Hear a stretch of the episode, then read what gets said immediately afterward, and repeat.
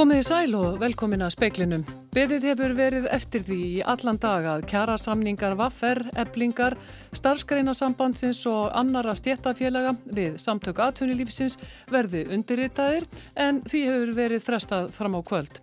Skúli Mógensen fjárfesti fyrir fjóra miljardar króna í váer og segir ljóst að hann fái lítið sem ekkert tilbaka. Breskir heimilisleiknar taka eftir því að æg fleiri breytar eru haldnir brexit angist.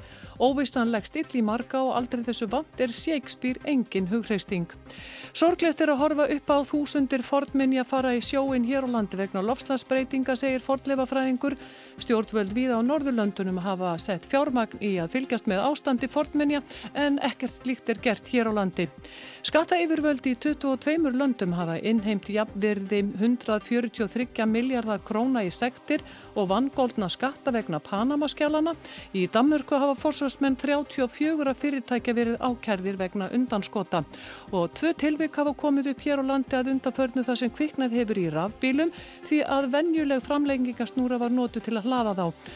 Fagstjóri Rafmaks Öryggisvið sjá mannvirkjastofnun hvetur fólk til að fá sér hleðslustöð. Umsjónamaður speilsins í dag er Bergljót Baldustóttir.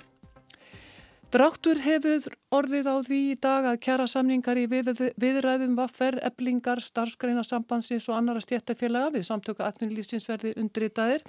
Búist var við því að samningar eru undritaðir um klukkan þrjú en enn sem komið er hefur ekkert orðið af því. Arna Páll Haugsson, fréttamaður, þú varst að koma úr karpúsinu. Sko hvers vegna hefur þetta dreyjist svona mikið? Vitu við það? Nei, við vitum það ekki nákvæmlega og það er ekkert að frétta því miður. Að það okkur hefur ekki verið ennþá sagt um frá innihaldi samningana. En, en, en hefur okkur verið sagt hvenar verður þetta skrifað undir? Nei, það, það var núna bara klukkan hálf sex að þá kom skrifstofustjóri ríkisáta sem eru út og sagði bara fjölmjölið því miður að þá myndi það dragast að langin og við svona gengur þetta fyrir sex, gengur þetta fyrir hálf sjöfréttir og sjöfréttir og hún var helst á því að þetta slippi kannski inn í tíu fréttir. En við veitum reyndar ekki hvernig þetta dregst og hver lengi þetta dregst en þetta eru rísat stóri samningar. Þetta eru 30 félög sem er að semja. Þetta er starfskræðarsambandið og landssambandið Veslunumanna og í þessum félögum eru yfir 100.000 félagsmenn. Þannig að það er í mörg horn að líta. En held að menna það sé eitthvað, komið eitthvað babb í bátinn?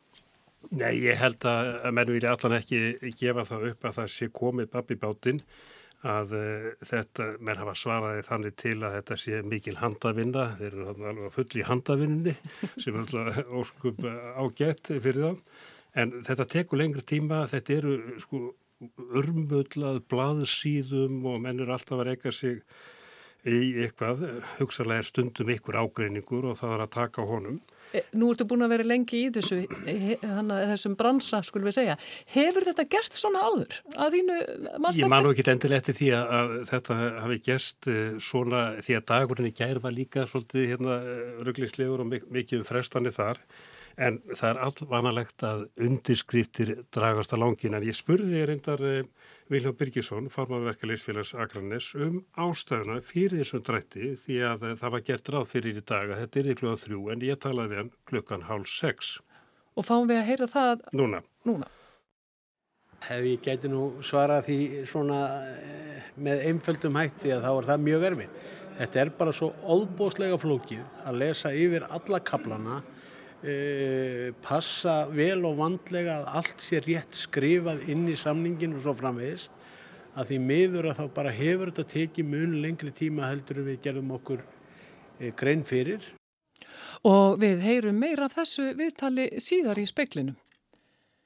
Skúli Mógensen fjárfesti í Váer fyrir um fjóra miljardar króna allt frá stopnun félagsins árið 2011. Hann segir ljóst að hann muni fá lítið sem ekkert af þessum fjórum miljardum tilbaka. Skúli sendi fjölmiðlum ítalegt bref um klukkan 5 í dag þar sem hann rekur viðskipti sín í gegnum flugfélagið. Í brefinu staðfestir hann meðal annars að hann hafi fjárfest fyrir um 750 miljónir króna í skuldabregu útbóði félagsins í september á samt öðrum fjárfestum. Til að geta tekið þátt í skuldabregu útbóðinu hafi hann gengist í persónlega ábyrð og veðsett bæði húsið sitt og jörð í kvalfyrði. Hann muni að öllum líkindum þurfa að selja kortveggja til að standa undir persónlegum skuldbindingum og ábyrðum vegna VAU-R. Hann hafi því lagt allt undir. Skúli segir að það hafi verið fyrir séð og eðlilegt að margir muni núna rína í sögu og viðskiptamótir VAU-R en það væri mikil einföldun að fullir það að váer hefði aldrei getað gengið eða að fargjöldin hafi verið ósálbær og rekstur flugfélagsins því döðadæmdur frá upphafi. Hann segir það einni fyrir sjánlegt að einhverjir reyni að tortryggja váer og sig persónlega og viðskipti sinna félaga við váer. Öll hans viðskipti við váer og félag tengt honum hafi verið á markaðslegum og viðskiptalegum fórsendum. Skúli segir það vera óhemju erfitt og sorglegt að horfa á eftir váir. Hann hafi elskað þetta félag, fólkið og það sem það stóð fyrir og var að byggja upp. Jón Hákon Haldorsson sæði frá. Gengi brefa í Æslandeir Group hækkaðu um rúm 8% í 322 miljón króna viðskiptum í Kauphall Íslands í dag. Tilkynnt var í morgun að Æslandeir Group og Par Capital Management fjárfestingasjóður í Boston hefðu náð samkominlægi um kaup fjárfestingasjóðsins og tengdra félaga á 625 miljón nýjum hlutum í Æslandeir Group. Kaupverðið eru, er rúmar 9 krónur á hlut og heildar kaupverð því rétt rúmlega 5,6 miljardar króna. Kaupins svara til 11,5% hlutar í Æslander Group. Kaupverðið samsvarar meðaldags loka gengi síðustu þryggja mánada. Panama skjölinn svonemdu hafa gert skatta yfir völdum í 22 löndum vísvegurum heiminn kleiftað innheimta á annað 100 miljardar króna í sektir og vangoldna skatta vegna fjármuna sem komið hafa verið fyrir í skattaskjólum. Víða er ennverða að rannsaka undan skotin þannig að upphæðin á eftir að hækka. Alþjóðasamtöku rannsóknar bladamanna ICEJ komu Panama skjölunum á framfæri árið 2016. Þau letu ljósa að háum upphæðum hafi verið komið fyrir í skattaskjólum, yðurlega með aðstóð starfsmanna lögmann skrifstofunar Mossack Fonseca í Panama. Nöfn nokkura Íslandinga komi fyrir í skjölunum eins og kunnugtir af fréttum. Alþjóðasamtökin hafa sapnað saman upplýsingum um eftirfylgni uppljóstranana. Samkvæmt þeim hafa skatta yfirvöld í 22 löndum náðaði einnimta 1,2 miljardar dollara, ég verið 143 miljardar króna í vangólna skatta og sektir vegna undan skotana. Og ekki eru öll kurl komin en þá til gravar. Í Danmörku greindu skatta yfirvöld til dæmis frá því í dag að forsvarsmenn 34 fyrirtæki hefðu verið ákærðir vegna upplýsinga úr Panamaskjölunum. Stjórnvöld þar í landi greitu jafnverði 107 miljóna króna fyrir aðgangað skjölunum. Í Kanada eru hátt í 900 einstaklingar fyrirtæki og sjóðir enn til rannsóknar vegna undanskota sem talið er að nemi 100 miljardar dollara. Engin hefur enn verið ákærður þar í landi. Áskeir Tómásson sæði frá. Tvö tilvik hafa komið upp hér á landi að undanförnu það sem kviknað hefur í rafbílum því að venjuleg framlengingasnúra var nótu til að hlaða þá. Fagstjóri rafmaks öryggis við sjá mannvirkjastofnun segir ekki örugt að stinga rafbílum í samband í venjulegar einstungur. Hann hvetur fólk eindreiði til að nota frekar hleðslustöð. Rafbílum hér á landi hefur fjölgað jaft og þjætt á undanförnum árum. Jón Ólafsson, fagstjóri Ramags öryggisvið sjá mannvirkjastofnun, segir að alls ekki eigi að nota venjulega framlengingarsnúru og innstungu við hlæðslu rafbíla. Það er lagt upp með það að fólk hlæði heima hjá sér og þá skiptur öllu máli að fólk fái sér fagmann til þess að kanna hvernig er staðan heima, kem ég þessu fyrir í töflunni, er, er raflögnin til þess búið því að í flestum tilfellum þá þarf fólk að láta laga raflögnina heima hjá sér. Jón segir að það geti gengið að nota venjulega einstungu en öryggisins vegna þá borgið það sér ekki. Það taki átta til tíu tíma að hlaða bílana og að venjulegar einstungu séu ekki hannaðar fyrir svo mikil afköst. Jón hvetur fólk til að láta fagmann setja upp hlæðslustöð en það þurfun að hafa sér grein líkt og eldavélar og sér öryggisliði. Bílar þessi rafbílar, það getur gerst það að það leki ströymur frá batteri í bílana inn í raflögnina og ef við erum ekki með sér liða til þess að nema þennan ströym þá er voðin vís vegna þess að þessi ströymur hann getur rugglað liðan sem fyrir er. Sagði Jón Ólafsson í samfélagin á Ráseitt í dag dagni Hulda Erlendstóttir tók saman. Jæja, Arnan Pál, fáum við að heyra meira hvað Viljálmur Birgesson sagði? Já, já, við fáum ekki að heyra eitthvað mikið um eh, kjærasamleikina, en hann reyndar upplýsir í þessu vitali að Ríkisjónur ætla að verja rómlega 100 miljörðum í eh, já, eh, fra, eitthvað, hérna, hitt og þetta, í tengslu við kjærasamleikina. En ég syns talaði við Vilján Birgisson, formanverklis fyrarsins á Akarnesi, já, klukkan hálf sex og hann svaraði þér reyndar hérna á hann í fréttanum hér sem voru að hlusta á hann að hann væri manna feignastur því að þessu væri loki og þetta er bara risastótt verkefni, það er mörg hörn og lít og allt það. En ég spurði hann að því hvort að það sé raunverulegur ágreiningur sem er að valda þessari töf.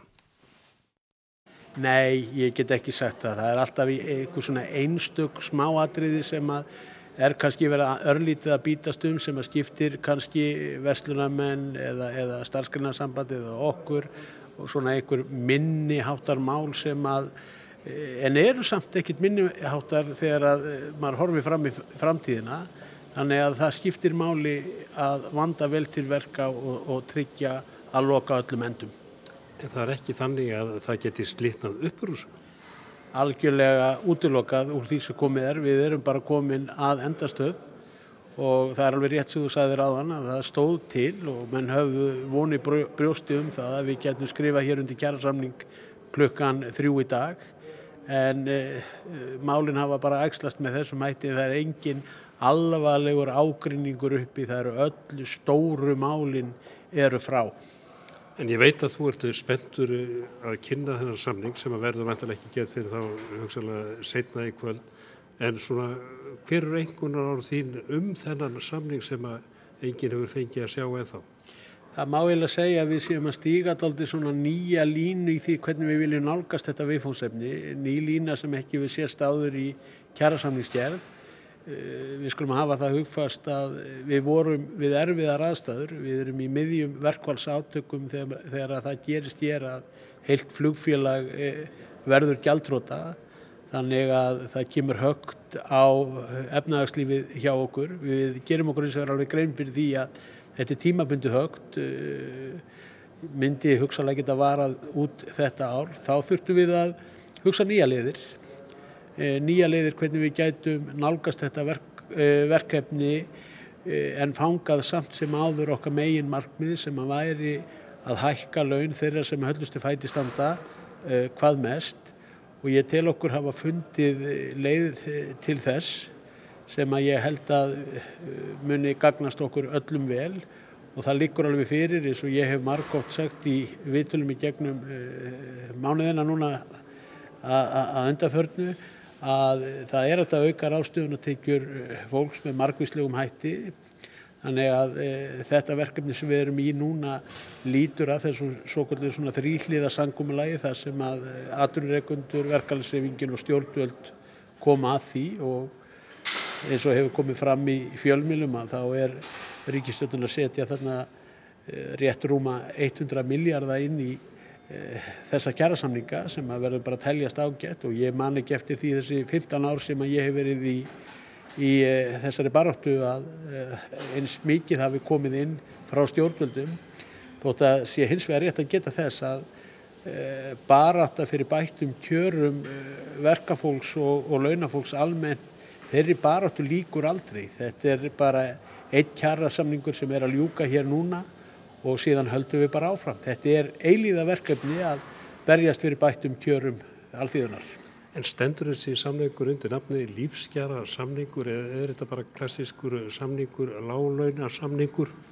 Já, við erum að stíga ný skref í þessu samningi. Þau eru spennandi.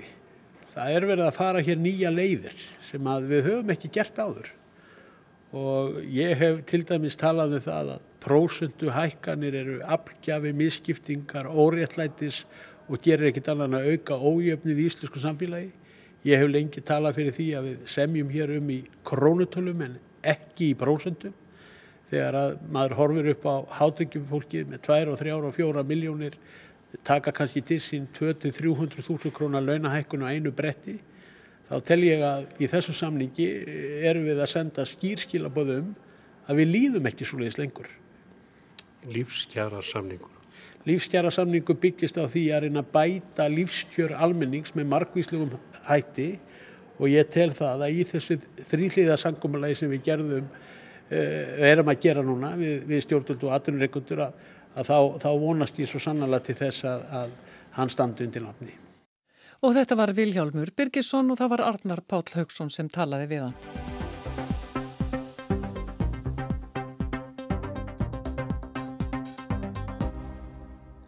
Það er ekki aðeins við Brexit vandan að glíma heldur einnig Brexit ángistina. Eftir viðvarandi Brexit óvissu í Breitlandi undanfæri misseri eru læknarfarnir að tala um Brexit ángist. Spurningin er hvernig eigi að taka á ángistinni á að gefa eitthvað við henni eða kannski er þetta aðeins dæmum ofgreiningum. En ef ángist er dæmum magnleysi þá er kannski pólitisk þáttaka til að ráða til að fá útrás fyrir vanlíðanæna. Eitt af því sem fer verst í mannskeppnuna er óvisa það að hvorki vita hvað verður nýja geta þá haft nokkra stjórn á hlutunum. Nú er heil þjóð, alls 66 miljónir íbúa Breitlands, þjöguð af óvisu um Brexit, hvort, hvenar og hvernig þjóðin gangi úr Európusambandinu. Læknar og aðrir í heilbriðskerfinu eru farnir að reka sig á nýtt fyrirbæri, Brexit angist. Nýleg skoðanakönnun dagblagsins Guardian sínir að um 65% landsmanna telja Brexit óholt fyrir geðhelsu þjóðarinnar. Það er óhætt að fullir það að aðstæður í Breitlandi þessi misserinn gera landið að einstökum rannsóknarvettvangi. Aldrei áður hefur þróað land á friðartímum gengið í gegnum annað eins. Eitt er að menn er ekki sammála um hvað eigi að gera, það er ekki óþægt. Annað er að í brexit-málum eru stjórnmálamenn ósamstíga um takmarkið, talað um mjúkt, hart, blind eða ekkert brexit, sá sem þekkir ekki áfangastæðin kemst varla langt. Í þessari einstöku óvissu er margt sem getur vakið angist. Frettir eru ljóslega angistarvekjandi minna í sífellu á að enginn, ekki einu sinni fórsætisráð þeirra, hefur yfir sín og brexit svör á takteinunum. Varðandi einstaklinga hefur persónuleg staða fólks áhrif. Atunureikandur hafa góðar ástæður til kvíða því þeir vita ekkert hverjar aðstæður verða innan skams, heldur ekki til lengdar, hvort og þá hvað breytist. Sama með launþega sem getur mist vinnuna. Brexit hefur til dæmis þegar haft ángistarvekjandi áhrif á bílaðinaðin. Tæpar fjórar miljónir evróskra ríkisborgara búa í Breitlandi Um leið og talið best að Brexit má strax skinja hvað þeir finna til óvissunar. Breskir stjórnmálamenn lofa óbreyttri stöð þeirra en slík loford gilda aðeins í nokkur ár ekki um aldur og æfi. Hvernig svo verður fyrir Evrópu búa að sækja nám og vinnu í Breitlandi, nei það veit engin. Evróskum ríkisborgurum í Breitlandi býðst nú að staðfesta fasta búsettu sína, settled status. Allt mjög einfalt, segja yfirvöld. En það flækir málið að þeir sem ætla að gera þetta á netinu þurfa að nota Android síma sem er auðvitað smá höfverkur fyrir þá sem eiga ekki slíka síma. Kanski ekki ángistarvekjandi en tvímælulegst vesen og vandraði. Dæmi um hvernig brexit áhyggjur heimamanna og aðfluttra Evrópabúa flettast saman er lítill leikskóli í Suður London. Starfsfólkið kemur flest frá Evrópu. Forraðamenn skólans finna nú mjög fyrir því að í fyrsta lagi ætla ímser starfsmenn að flytja aftur til heimalandsins, í öðru lagi á leikskólinn í vandrað með að ráða í lausa stöður að því Evropabúar sækja ekki lengur til Bretlands í sama mælu áður. Sannarlega áþreifanlegur vandi, sannarlega ángistarvekjandi, líka fyrir foreldra barnana á leikskólanum. Það gildir almennt að þeir sem þegar eru áhyggjufullir eru næmari fyrir nýjum áhyggjuefnum, mótstöðu krafturinn þá minni og sama gildir um brexit-ángistina. Mart ungt fólk þjáist af ángist, ekki síst háskólastúdendar. Námið er álag, stúdendar er ofta að glíma við að standa á eigin fótum í fyrsta skiptið og svo er það óvægin samanburðurinn á samfélagsmiðlunum. Brexit-angistinn virðist einmitt mjög hrjá stúdenda, ekki síst evróska stúdenda. Í viðbót við óvissuna finnst þeim eins og mörgum evrópumönnum í Breitlandi að Brexit sé skilabóð til þeirra að heimamenn viljið á burtu, ekki dregur það úr angistinni. En hvað er þá til ráða við brexit-ángistinni? Nei, ekki endilega að fara nú að taka gæðlif til að lækna vandan eins og í öðrum gæðrænum vandamálum þá hjálpar að tala um hlutina. Og eitt ráðið er að fá útrás fyrir ángistina. Pólitísk þáttaka af öllu tægi hefur einmitt heldur aukist. Bretar leit oft í Shakespeare eftir góðum ráðum, vissulega margar fleigar setningar þar um valdið og skuggalíðar þess sem á heimfara upp á læfiblandin launráð Brexit stjórnmálana. En Shakespeare leysir ekki Brexit ángistina. Frægasta setning Shakespeares er einmitt kjarni Brexit vandans ángistarþrungna setningin um að vera eða vera ekki. Og þetta var Sigrún Davíðstóttir.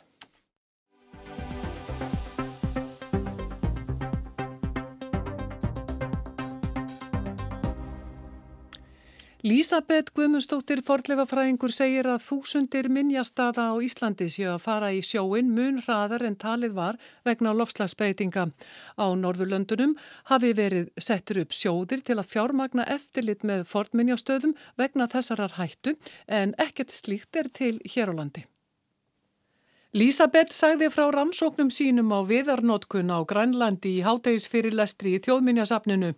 Rannsóknin heitir Stokkar og steinar og er hluti af stærra verkefni. Stór söfn viðarleifa eru til á Grænlandi og er varveisla viðarins ótrúlega góð vegna sífrerans. Lísabeth segir að ekki sé vísta það verði áfram. Eh, þegar maður er að vinna sérst, á þessum heimskutu svæðum að þá er bara mjög mikil ógn sem stæðir að núna. Eh, Lofslagsbreytingar eru, eru að hafa mjög mikil áhrif og hafa oft mjög meiri áhrif á þessi heimskutu svæði heldur en við annar staðar. Eh, bæði það að þessi sífreri hann er að þýðna sem þýðir í rauninni að allar þessar eh, minjar sem ég hef ágang í dag að þær munu hverfa. Þær munu bara rótna eins og þær hafa gert hérna á Íslandi. Um, þessar lofslagsbreytingar og veðfarsbreytingar eru einnig að leiða til þess að, að stormar eru, eru að aukast, eru meiri og og, og öflugur í stormar og sem eru náttúrulega að, að hérna, ganga sérst, á minjar sem eru við strandlenginu og þessar minjar á heimskautasveðunum eru náttúrulega yfirleitt við strandlenginu og þetta er, er í rauninni bara að hverfa. En það er svona, stjórnmöld eru að taka við sér uh, á Norðurlöndunum, sérstaklega í, í Noregi og svo hefur, sagt, uh, það er Carlsberg Foundation í Danmörku hefur hefur verið hérna, styrkja uh, rannsóknir á Grænlandi og þetta er bara rannsóknir til þess að, að fylgjast með þessum breytingum sem eiga sér stað. Þetta er ekki í rauninni forðlega rannsóknir sem slíkar bara fylgjast með breytingunum á minjastöðunum og hversu hratt þessar lífrænu leifar er að eigðast. Og núna fegst sagt, uh, styrkur upp á tæpar 500 miljónir sem fyrir til Grænlands bara til þess að fylgjast með þessum breytingum svo, einnig, uh, svo kom einnig styrkur til, um, til Níku sem er uh, forðlega fræði rannsóknarfyrirtæki í Nóri upp á 250 miljónir til þess að gera slíktið sama í Nóri og aftur bara, þú veist, þetta eru bara peningarnir sem eru að fara í þetta að fylgjast með minjónum en ekki, ekki þessum rannsóknum. Og, og þá í rauninni höfum við einhvað tæki til þess að meta hvað er að gerast. Eh, svo ef maður færir þetta yfir á Ísland þá, þá hefur við eh, einn sjóð sem við getum sótt um í og það er fornminja sjóður og uh, í ár var útlitað tæpum 42 miljónum og, og þetta er rauninni sjóður sem fer í allt, þetta eru björgunaransóknir, þetta eru, eru rannsóknir, rannsóknarauppgreftir, þetta, þetta er sjóður til þess að lagfara báta og, og, og já, en þetta er það eina sem við höfum og við erum ekki með neitt, neina áallin og ekki neitt í rauninni hér á Íslandi til að fylgjast með þessu og þetta er, og þetta er að hafa gríðalega mikil áhrif. Vitum við að lofslagsbreytingar eru að hafa áhrif á fornminjar hér eða minningarminjar eða hvað við kallum þetta? Um, í rauninni þá náttúrulega vitum við ekki en það sem við vitum náttúrulega það er uh, það eru náttúrulega uh, allar læðirnar sem er alltaf að skella á okkur, þær eru að verða algengari og harðari og þær eru náttúrulega ganga á minjar við, við strandlinginu og það eru alveg þúsindir minjastæðar sem eru að fara í sjóin alveg, og þetta er alveg, þetta er, þetta er svo sorglegt að horfa upp á þetta. Vita fórlefa fræðingar þetta að það eru þúsindir minja að fara í hafið? Já, og það, það er búið að uh, það var sérst gert smá uh, átak til þess að skrá minjar þannig að við getum þá allavega að skrá þær minjar sem er að hverfa en þetta er náttúrulega bara tróp í hafið. Uh, þetta er svo lítill peningur sem við höfum.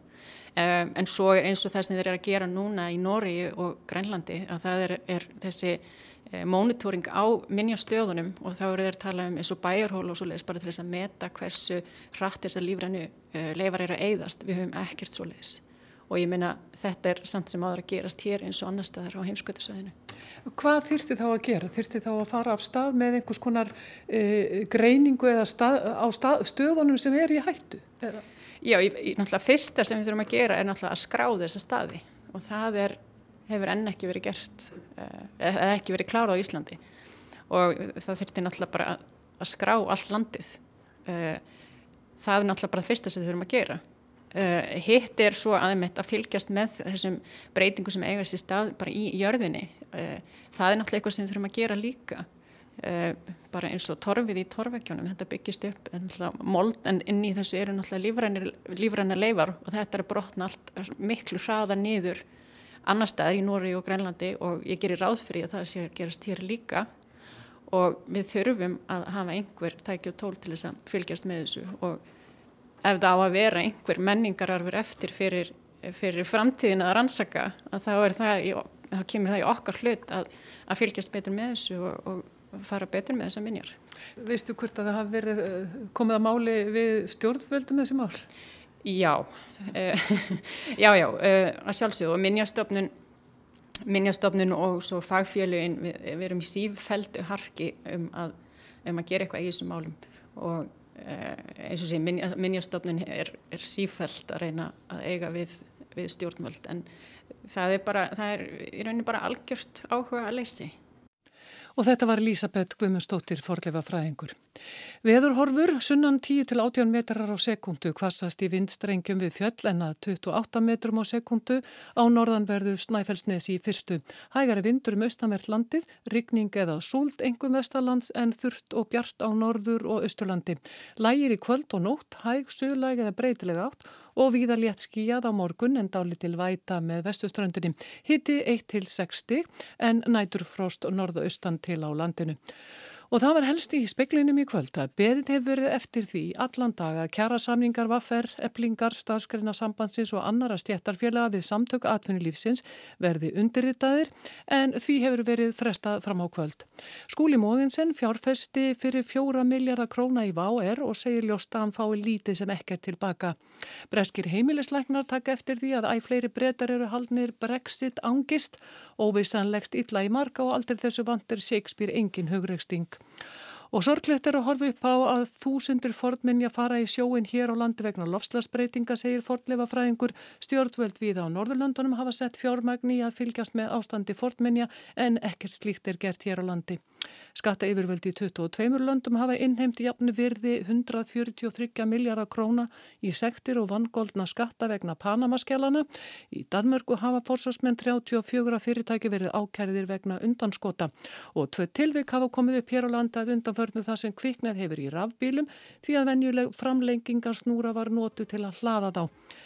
Fleira er ekki í speklinum í kvöld. Tæknimaður var Gísli Kjaran Kristjánsson. Verðið sæl.